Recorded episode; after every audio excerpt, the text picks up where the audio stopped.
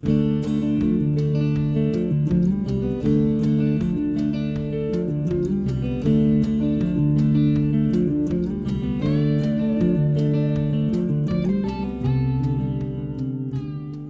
wel of niet stichten van een gezin is waarschijnlijk een van de belangrijkste keuzes die je maakt in je leven. In Bakfiets of Backpack gaan we in gesprek met verschillende vrouwen die bewust wel of geen moeder werden en waarin we praten over hun keus en hun leven. Ik ben Renske, 36 jaar en ik heb niet de wens om moeder te worden. Ik ben Esther, 36 jaar en ik heb twee dochters van 4 en 2 jaar oud. In deze podcast gaan we op zoek naar een reëel en eerlijk beeld rondom het wel of niet krijgen van kinderen. In deze derde aflevering gaan we in gesprek met Ida Kersenboom. Nadat zij zelf jarenlang twijfelde over haar keuze voor wel of geen gezin, schreef ze het boek Het Babydilemma. Daarnaast ontwikkelde ze een online programma waarbij vrouwen actief aan de slag gaan met hun twijfels rondom het wel of niet krijgen van kinderen. Vandaag spreken we Ida aan haar eettafel in Rotterdam. Ik ben ervan overtuigd dat je eerder kans maakt om tot je gevoel te komen als je actief met dat dilemma aan de slag uh, gaat. Uh, Ida Kersenboom, ben 49 jaar. Ik ben moeder van een zoon van 11, hij heet Siem, en een dochter Puk van 8. Lang getwijfeld over moederschap, maar uiteindelijk uh, na zes jaar twijfelen toch die stap gezet. En een happy moeder inmiddels. Kan je vertellen waarom je hebt besloten ook om mee te doen met de podcast? ja, ik hoop toch uiteindelijk dat ik andere twijfelaars hiermee kan helpen. Om toch dat setje te geven, waardoor ze wellicht een stapje verder komen in hun babydilemma. Ik heb zelf zes jaar getwijfeld en ik weet in, ja, wat ze doormaken. Ja. Want hoe ben je babydilemma coach geworden? Dat kwam eigenlijk omdat ik zelf in een twijfelfase zat. En toen las ik het boekje van Kluun Help, ik heb mijn vrouw zwanger gemaakt. En ik dacht, nou, die, dat, dat bestaat uit allemaal anekdotes. En ik dacht, nou, zoiets vind ik ook leuk om te gaan doen. Maar dat was toen, dat is toen eigenlijk niet van de grond gekomen. En ja, toen werd ik inmiddels moeder en toen bleef het liggen. En toen dacht ik ineens, ik ga andere vrouwen helpen. En toen ben ik een test gaan maken. Toen ben ik een opleiding tot coach gaan doen en dat allemaal naast mijn werk een boek gaan schrijven. Dat kwam ook op mijn pad. Een online programma gaan maken. En het werd steeds groter. Ik had ook een website in het Engels en het Nederlands. Mannen, vrouwen. En dat werd allemaal heel groot. En toen ben ik het weer gaan downsizen uiteindelijk. En ja, dat, dat ben ik gewoon naast mijn werk gaan doen. Dat zag ik als een soort van missie. Wat was jouw dilemma? Of had je dat... Je, ja, je vertelde al dat je twijfelde. Wat was jouw dilemma? Ik had toen een hele drukke baan en ik verzon elke dag iets anders. De ene keer dacht ik, het past niet in mijn leven, te druk, mijn huis is niet geschikt. Als ik nu terugkijk, denk ik dat het gewoon angst was. Ik had een leuk leven. Uh, ja, een kind kan zomaar uh, je leven doen veranderen, want je weet niet wat je krijgt. Nee. En dat is voor heel veel vrouwen wel lastig. Ja. En, en hoe ging dat toen verder? Na zes jaar, toen zei ik tegen mijn partner, kies jij maar. Toen zei hij, ja, dat ga ik niet doen. Lekker makkelijk. Want hij stond, hoe stond hij erin? Ja, ook. Hij wist het hetzelfde als ik. Hij wist het ook niet. Dus toen uh, zei hij, ja, dat ga ik niet doen. Lekker makkelijk ben jij. en toen besloot ik uh, met de pil te stoppen. Toen dachten we, nou, dan doen we het maar zo. Ja. Heel laf. Uh, Eigenlijk wel een beetje laf, maar goed. toen dachten we, we hebben 50% kans. En zo, ik heb daarna wel discussies met mensen erover gehad. Die zeiden, ja, dan wilde je het. Ik zeg, nee, 50%. Dat is juist dat dilemma. Niet was oké. en als het dan wel op je pad zou komen, is ook oké, ja. ja. Maar ik heb gewoon het verlegd. Ja. Naar moeder natuur noem ik het maar. Denk, lekker, lekker laf. Ik wist het niet, dus dan verleg je het toch. En dan heb je 50% kans. En dat voelde achteraf niet zo goed. Want toen werd je zwanger. Ja, toen was ik. Nou, dat voelde wel goed na een aantal weken. Dat ik dacht, help, nu ben ik zwanger. Maar dat went heel snel. Dus uh, na 15 weken dacht ik, oh, ik vind het wel leuk. Toen was die knop om. Toen werd ik meer oormoeder. Maar ja, de manier waarop dat gegaan is, dacht ik later van, ja, je wilt toch het liefst wakker worden en denken, ik weet het. Ja. Dat je vanuit jezelf een antwoord hebt. Want had je dat als kind of als tiener of in je twintige jaren, uh, had je er toen een gevoel bij van ik wil wel of niet moeder? Had je een plaatje? Eén of geen? Eén of geen. en als het er dan één wordt, dan moet het een meisje zijn. Okay, en toen was ja. ik zo blij dat ik zwanger was van een jongetje. Ook ja, het, het loopt soms heel anders. Ja. ja. Toen zei mijn eh, partner tegen mijn zoon van vier maanden: Wil je een broertje of zusje? Ik doe even normaal. en toen dacht ik, nou, waarom eigenlijk ook niet? En toen ben ik wel gaan wikken en wegen, echt wel met dat dilemma aan de slag gegaan. En toen dacht ik op een gegeven moment: Nou, kom maar op. Dus toen wist ik het. Het was echt een. Heel, heel stellig was dat. Ja. Was Ja. het dan ook meer eh, verstand of meer gevoel? Nee, dat was echt gevoel. Ja. Ja, toen dacht ik, hier kan ik iets mee. Toen ben ik echt wat verder gegaan in, eh, met babydilemma. Denk je, kan je dus wel... Ik ben ervan overtuigd dat je eerder kans maakt om tot je gevoel te komen als je actief met dat dilemma aan de slag eh, gaat. Want de Ja. eerste keer parkeerde ik het, wilde ik er eigenlijk niet over nadenken. Nu ging ik er wel bewust mee aan de slag en ik kreeg wel een antwoord. Ja. Ja, dat is ook Ja. een beetje de opzet van je website. Je Ja. zegt eigenlijk van, je weet ergens vanuit je gevoel of je onderbuik, heb je wel een voorkeur, alleen je moet daar, er zitten voor alle- allerlei gedachten of twijfels boven en daar moet je je in verdiepen, zodat je komt tot de kern. Ja, want wat, wat ik eigenlijk deed de eerste keer, denk ik, ja, twijfel, je stelt het gewoon uit. Ja, Het is een te moeilijke vraag, dus je verzint van alles om uitstel te creëren. Ja, en op een gegeven moment is het te laat. Want dan wordt de keuze voor jou gemaakt en dan voel je je niet meer kindervrij, dan ben je ineens kinderloos. Ja, en dat probeer ik wel een beetje bewust te maken. Van, joh, ga er wel mee aan de slag, want het antwoord komt niet altijd vanzelf. Eh, we hebben het in deze podcast vooral over de kant van de vrouw en over vrouwen die twijfelen. Eh, heb jij in je baby dilemma coach, eh coachingpraktijk ook te maken met mannen met dit, deze vraag? Eh, mannen vullen ook wel die eh, test in, maar minder. Dan kun je denken van, hebben ze minder een babydilemma? Het kan ook zijn dat ze gewoon minder testen. Vrouwen schijnen wel online meer te testen dan mannen. Er zijn ook mannen met een babydilemma. Maar eh, in het begin eh, behandelde ik ook mannen, maar op een gegeven moment heb ik een niche naar vrouwen gemaakt, want mannen hebben eh, minder tijdsdruk. Wat waren jouw grootste angsten of waar zag je tegenop van het moederschap? Nou, dat dacht, ik vond zwanger worden vond ik helemaal niks. De gedachte om zwanger te zijn, denk ik, eh, gatsie. Nou, dat vond ik ook niks. Leek te kloppen. En ik ben al best wel een heel stabiel persoon, maar de enige twee momenten dat ik het niet was, was na mijn zwangerschap. Toen was ik echt zo labiel als de Ja. En dan heb je jezelf niet onder controle en je kinderen bepalen jouw dag. Nou, daar kan ik er helemaal niet mee omgaan, want ik bepaal heel graag mijn eigen planning. Toen was ik niet op mijn sterkst. Nee. Maar goed, na twaalf weken gingen ook mijn kinderen weer naar de opvang. En kreeg ik rust, reinheid, regelmaat voor mezelf weer met werken. En, en toen ging het weer goed. Ja. Ja, dus die combi ook eh, werken en moeder zijn is voor mij ook de beste combi. ja. Ja, En waren er nog andere dingen die je ook tegenhielden of die je angstig maakten? ja bang dat er iets... Ik dacht, ik, ik heb nu een, eh, een leuk leven, een makkelijk leven, zonder kinderen. En ja, een kind kan je leven wel doen veranderen als er iets mee aan de hand zou zijn. En ik was al wat ouder, dus je loopt meer risico. Dus de angst. Ik denk toch ook wel angst. Dat is ook nummer één van twijfelfactoren. Angst, want je weet niet wat je krijgt. Je weet niet of een kind gezond is. Nee. Of het een leuk kind is. Eh, ja. Het is een hele grote onzekere factor. Het is een hele, ja. En dat is eigenlijk, bij niks is dat zo. Je kan alles inruilen, terugbrengen, maar met een kind krijgen niet. Nee. Je beslist over iets wat er niet is. Nee. Ja, dat is hartstikke lastig. Ja, en eh, jij krijgt dus op jouw website of eh, via social media, eh, raak je in contact met vrouwen die datzelfde dilemma hebben. Wat zie je bij hun voor dilemma's?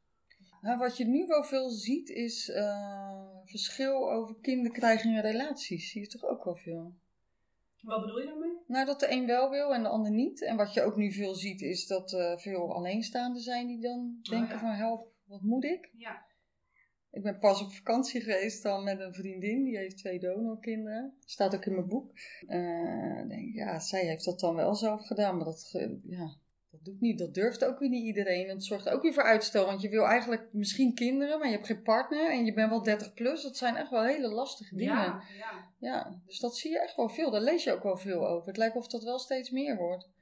En ook dus de situatie waarin de ene eh, van de, in de relatie het wel wil en de ander niet. Ja, En hoe ga je ja. daar dan mee om? Ja, ik heb daar ook een coachie eh, in begeleid. En die heeft dat voor zichzelf helemaal uitgezocht. Dat was zo mooi. Oké. Ja, en ook dat, dat het ten koste kon gaan van haar relatie. Nou, vind ik echt prachtig als je dat doet. Dat je dat voor jezelf uitzoekt en dat je het niet van de keuze van een partner af laat hangen. Nee. Oh, Ja. ze heeft zelf haar wens helemaal, wat wil ik? Wat wil los ik, van wat mijn ja. partner Ja. Ja, Ja, dat is- dat heftig. ja, ja. Want daar hebben we het ook al vaak over in de podcast met andere vrouwen. Dat jouw omgeving en de maatschappij gewoon wel van invloed is op de keuze die je maakt. Natuurlijk, Want ja. als je graag bij je partner wil blijven en de partner wil het niet, wat doe je? ja. En- Als je, dan ben je ineens 43 en dan gaat je relatie uit en dan heb je ook, en dan is je kinderwens misschien ook voorbij. Ja, dat Ja. zou wel heel eh, zonde zijn als je dat wel graag had gewild. Ja, Ja, en eh, wat, wat adviseer je dan? Zeg je, je moet toch bij je eigen pad blijven? Of? ja.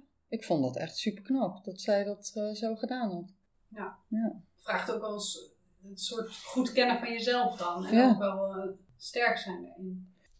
Veel van die angsten die je hoort, gaan ook wel over eh, bang om mijn vrijheid te verliezen, bang om niet meer te kunnen doen wat ik wil. eh, inderdaad, strakke stru- dagstructuur waar je aan moet houden. Was dat ook zo? Is dat ook zo? Kloppen die angsten? Dat is Klopt, die staat in fijn. top 10 eh, rijtje ook. Ja, maar dan denk ik als jij van tevoren al denkt, oh help, dan ben ik al mijn vrijheid kwijt. Ik denk dat je je kind ook als een soort van nieuw, heel mooi hobbyproject kan zien. Als je daar geen tijd voor vrij wil maken, denk ik dat je misschien eens eh, jezelf af moet vragen of het dan in je droomleven past. Ja. Denk, hoe mooi is het als je stelt dat je een kind krijgt, om daar tijd aan te besteden. Ja, en dan moet je concessies doen. Hoe leuk is het als jij tijd met je kind eh, door kan brengen. En toch, het is altijd, we denken, nou, ik heb weer gerummikupt, ik heb weer aandacht. nou, eh, mezelf. ga maar weer even achter de iPad of misschien met je poppen spelen. Denk, nou, dan heb ik ook weer even rust. Ja. Het is ook, oh, ja, maar het kost gewoon tijd, maar het is ook leuk. In eh, jouw eh, boek en op jouw website vertel je ook, of leg je best een nadruk op de leeftijd van vrouwen en de, de vruchtbaarheid. Eh, dus naarmate je ouder wordt, word je ook minder vruchtbaar. En dat noem je ook een paar keer bijna als waarschuwing. Eh, is dat bewust? Ja, het is niet om vrouwen angst aan te praten, maar heel veel vrouwen zijn zich niet bewust van het feit dat je eicellen kwalitatief, kwantitatief vanaf je 25ste al achteruit gaan. Ik wist het ook niet. En ik denk dat is best wel heel vroeg. Want we gaan vaak pas vanaf ons dertigste naar denken over kinderen krijgen. En dan, hoe lang duurt het nog? Dus als je dan aan kinderen zou beginnen, of proberen kinderen te krijgen, dan ben je toch al wat ouder. Ja. Ja, Dan denk je daarmee dat, dat we dus eigenlijk iets eerder met die vraag moeten beginnen. Als je kijkt naar de vruchtbaarheid van een vrouw. ja idealiter wel, maar ik kan, ook, ik kan me ook voorstellen als je nog studeert en nog geen man hebt en nog eh, op een studentenflat woont, want we studeren natuurlijk steeds langer, Ja. ook vrouwen. Dat je daar helemaal niet mee bezig bent. Maar het zou wel goed zijn om af en toe over die vraag eh, na te denken. Het zou, ik zou het ook helemaal niet gek vinden als het een gesprek op een universiteit of zo zou zijn. Gewoon naast gewone lessen. Ja, van eh, geluk is heel belangrijk. Ja, dat ja. wordt wel een steeds belangrijker Ja. onderwerp. Ik zou een, eh, een, hoe je over kinderen denkt voor de toekomst, dat vind ik helemaal geen gek onderwerp om dat daar ook bij eh, aan te snijden. Nee, sowieso natuurlijk hartstikke relevant. Ook in die studententijd. Ook dat je ziet dat er al heel veel burn-out is. Dat Ja. mensen überhaupt worstelen met hoe doe ik dit in het leven? Hoe eh, ga ik mee met eh, wat de maatschappij van me vraagt? En dat is hartstikke een belangrijk thema ook. Ja, en we voelen ons ook steeds langer jong. Dus 40 eh, is het nieuwe 30. Maar denk, ja, dat geldt niet voor je eicellen. Nee, en dat is gek Ja. hè? Eigenlijk Ja, klopt maar- dat niet meer met elkaar. Want de natuur die blijft een beetje hetzelfde. Die blijft, nou, die Ja. blijft eigenlijk een beetje achter op wat wij willen. Ja, of wat wij willen. Ja, wat wij willen, ja. Dit- uiteindelijk eh, zouden wij ons daar moeten schikken, denk ik. Ja. Maar ja, Ja, ja. dat, dat gaat steeds meer uit de pas lopen, lijkt wel. De natuur blijft een beetje van, oké, rond je 25ste ga gewoon settelen. En wij zijn aan het uitstellen. Wij zijn, eh, gaan eerst onze reizen en onze studenten en werken. En dan denken we, oh ja, kinderen. Ja, want je vertelde dat je nu 48 bent. Dus je was ook iets later toen je kinderen kreeg. Eh, zie je dat achteraf als een voordeel of als een nadeel? Nou, ik had wel graag eerder moeder geworden achteraf. Ja? Ik was zelfs, dat was wel grappig, ik was 40 toen ik zwanger werd van mijn dochter. Dus ik zei tegen die arts, ik ga op mijn 40ste bevallen. ik wil niet eh, 41 zijn. Ja, Gelukt? ja ze- nou, ze is ingeleid, maar ik, ik, het was te laat ook, dus het was wel goed. Het is niet dat ze eerder gehaald is. ja, ik vind, ik had nu wel graag, ja, met de kennis van nu was ik graag eerder moeder geworden. Maar dat is ook een klein beetje egoïstisch dat ik nu ook denk van hoe lang kan ik ze meemaken. maak ik het omaschap nog mee. Ja. Ja, Ja, dat schiet wel door mijn hoofd, denk ik. Ja, als ik... eh, als mijn dochter net zo laat moeder wordt als ik, nou, dan ga ik dat niet meemaken. Dat zijn wel gedachten die ik voorbij komen. Ja. Ja, aan de andere kant kan je zeggen van eh, je, moet er op een bepaald moment klaar voor zijn, of emotioneel klaar voor zijn, of dat gevoel krijgen. Hoe verhoudt dat zich dan tot elkaar, denk jij, qua leeftijd versus. Ja, je bent er nooit helemaal klaar voor, denk ik. Je hebt altijd wel iets waardoor je denkt, nou, we stellen het nog even uit. Tenminste, of je moet Ja. oermoeder zijn. Nou, soms moet je ook wel gewoon doen, maar het is wel een rode draad in mijn leven dat ik een beetje traag ben met eh, grote beslissingen nemen. Dus ik denk, het hoort ook wel gewoon bij mij. Ja. Ja, dus met de studie, dus met kinderen krijgen, dus met, met heel veel dingen zie ik daar echt wel een patroon in. Ik denk, ja, soms moet je ook het allemaal accepteren dat het misschien bij je hoort. Nou, zes jaar wel heel lang, dus dat zou ik zeker niet adviseren. Maar soms is de tijd ervoor nemen ook wel even goed. Dat doe ik ook in mijn programma. Op een gegeven moment heb je alles geanalyseerd. Dat is je ratio, veel op ratio, je ideale leven in kaart gebracht. Dan moet je soms ook gewoon even pauze nemen. Dat moet toch ook indalen. ja. Dat he- het heeft ook tijd Je nodig. kan het ook niet forceren. Nee, Nee. nee. Hey, en als jij eh, nadenkt over dat je geen kinderen zou eh, leven zonder kinderen. Dat was een optie, want ik liep 50% kans om, om geen moeder te worden. Maar ik, ik heb nooit een beeld gemaakt van hoe mijn leven er dan uit zou zien. Het was oké. Ja. Ja, dan was het gewoon zo doorgegaan. Het lastige is als je nog geen kinderen hebt en je moet die keuze maken, is dat je een verwachting hebt. Je weet niet of die verwachting klopt. Kan je daar iets over vertellen? Nou, ik vind moederschap veel leuker als dat ik van tevoren Oké. dacht. Ja, het is me wel... eh, ik vond het impact van het tweede wel heel heftig. Had ik nooit verwacht. Maar ik vind ze sowieso leuk. En het... eh, het heeft mij als mens ook wel eh, rijker ge- gemaakt in de zin van... Ja, ja, dat klinkt misschien een beetje lullig voor, voor, voor mensen die dan geen kinderen hebben. Maar het draaide, draait niet allemaal meer om mij. Ik was best wel heel erg van mijn werk, mijn... En nu denk ik, ja, ik sta, het draait meer om mijn kinderen en ik hobbel eromheen. Tuurlijk zet ik, is het belangrijk dat je jezelf ook op nummer 1 blijft zetten. Want dat vergeet je wel eens. Maar eh, ja, het relativeert wel heel erg. Ja, ik heb me nog nooit zo rijk gevoeld als toen ik moeder was. Ja. Ik vond het wel een hele mooie toevoeging in mijn leven. En het is ook makkelijk, hè? Ik heb een doel tot mijn dood. eh. ja, ja, het, vult, wordt ingevuld. Ja, ik denk, oh, zo, het is ook wel heel leuk. Ja. Makkelijk. Ja. ja, niet altijd op andere fronten helemaal niet makkelijk, maar nou, die balans met werk, je sociale contacten, je lopen. Ik, ik liep ook tegen de lamp, want ik wilde eigenlijk mijn oude leven gewoon continueren naar de komst van kinderen, maar dat werkt niet. En dan die balans thuis vinden is nog wel een uitdaging. En, en dan wil je eigenlijk je huis, alles moet perfect zijn. Nou, dat moet je ook wel op sommige fronten echt los gaan laten. Dus dan zit je wel eh, tegen overspannenheid aan soms. En dan, maar dan moet je gewoon wel ja, jezelf op nummer 1 gaan zetten. Ja. Het is eigenlijk jammer dat je dan tot die grens moet komen om dat in te zien. Daarom adviseer ik ook altijd, zet je vanaf het begin jezelf op nummer 1. Werk aan je relatie, blijf leuke dingen doen, want daardoor ben jij de leukste moeder. Ja. En dat vergeet je wel eens, want je wordt geen leuke moeder als je alles maar gaat lopen doen. Ik was op een gegeven moment eh, dat ik dacht, nou, ik ben niet echt de moeder die ik wil zijn. Nee. Zolang, ik zag het wel op tijd, maar toch ook wel een beetje laat. Ja, en wat ik ook heel erg lastig eh, vind, is eh, normaal op het werk, was je om zeven uur klaar, maak je het gewoon af. En nu moet je om zes uur bij de BSO of de crash staan. Dus je moet alles uit je handen laten vallen. Ja, dat vind ik nog steeds. Nou, nou, nou, nou mijn zoon is elf, vind ik nog steeds lastig. Ja. Dat je gewoon op die klok, eh, Ja. met die klok zo bezig bent. Ja, dus het heeft echt twee kanten. Dat, aan de ene kant is het fijn dat je niet meer zelf het middelpunt bent van alles, zeg je, want het relativeert. Het, Ja, maakt jezelf ook minder belangrijk. En aan de andere kant eh wringt dat ook constant. Ja. Met je eigen behoeftes. En Ja. ja. ja. Ja, en alles moet, alles is plannen. Ja, als je een avondje weg wil, moet je plannen. Je, je, het spontaan is er soms wel een beetje af. Maar goed, dat went ook allemaal en je veert. En dan nog is het maar plannen en toch blijven doen al die leuke dingen. En denk je dat wij on- het onszelf dan moeilijker maakten dan al die, maken dan al die thuisblijfmoeders vroeger? Voor mijn gevoel waren die dus veel beter in zichzelf wat meer op de achtergrond zetten en hun eigen behoeftes. Ja, heel soms denk ik wel eens, oh wat hadden ze het eigenlijk makkelijk. Wij willen zoveel. Ja, En je wist niet beter. Eigenlijk misschien wel heel, heel relaxed. Ik weet het niet. Ja, zij zou, of ik, ik denk dat zij ook wel stress hadden.